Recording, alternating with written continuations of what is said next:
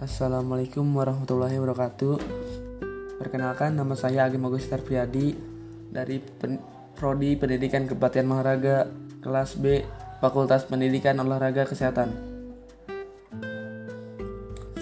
Saya dengan nomor induk mahasiswa 2006532. Saya di sini akan menjelaskan tentang dinamika pelaksanaan demokrasi di Indonesia. Demokrasi adalah salah satu bentuk sistem pemerintahan sebuah bangsa atau negara yang menempatkan kebebasan untuk seluruh warga negara dalam hal politik. Yaitu di mana penduduk atau masyarakat bisa memberi dan menyalurkan pendapat mereka tentang kelangsungan politik yang berjalan dalam negeri mereka. Baik itu saran, kritik, dan pendapat lainnya dengan bentuk penyampaian yang bermacam-macam. Pelaksanaan demokrasi di Indonesia dari masa ke masa tidaklah sama mengingat undang-undang dasar berlaku pun berganti-ganti. Pergantian undang-undang dasar menyebabkan pergantian sistem pemerintahan untuk mengetahui bagaimana pelaksanaan demokrasi di Indonesia.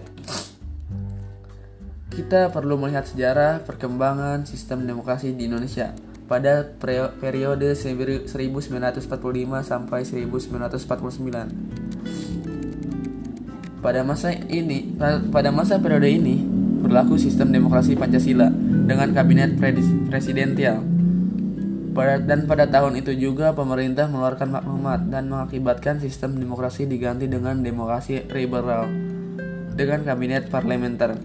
Pada tahun 1949 19, sampai dengan 1950 lahirlah negara RIS, Republik Indonesia Serikat, dengan konsep demokrasi liberal yang berlaku, yang masih berlaku.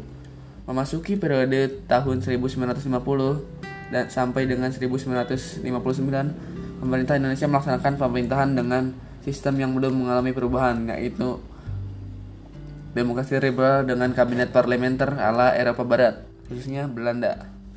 Di awal tahun 1959 sampai dengan 1966, pemerintah Indonesia melaksanakan demokrasi terpimpin. Akan tetapi karena adanya penafsiran yang salah terhadap undang demokrasi terpimpin, terjadi berbagai penyimpangan terhadap Undang-Undang Dasar 1945. Penyimpangan-penyimpangan tersebut antara lain MPRS dan DPR tunduk kepada presiden. Pangkatan presiden seumur hidup terjadinya pembelokan politik luar negeri yang bebas dan aktif ke arah politik yang condong ke komunis. Pada periode 1966 lahir Orde Baru yang ingin melaksanakan Pancasila dan Undang-Undang Dasar 1945 Secara ideologi dan konstitusional, asas demokrasi mencerminkan wajah demokrasi Indonesia yang bersumber tata nilai sosial budaya. Demokrasi Pancasila bukanlah demokrasi yang berdasarkan kekuasaan mayoritas. Dalam demokrasi Pancasila tidak ada satu golongan pun yang ter, yang boleh semuanya mempertahankan atau memaksakan pendiriannya sendiri. Dengan demikian tidak ada tempat untuk diktator mayoritas atau tirani mayoritas. Demokrasi Pancasila berbeda dengan demokrasi liberal yang mengutamakan suara mayoritas dan mengambil su suatu keputusan berbeda juga dengan demokrasi terpimpin yang mengutamakan pemimpin dalam mengambil keputusan. Ya, sekian dari saya. Kurang lebihnya mohon maaf. Wabillahi taufiq hidayah. Wassalamualaikum warahmatullahi wabarakatuh.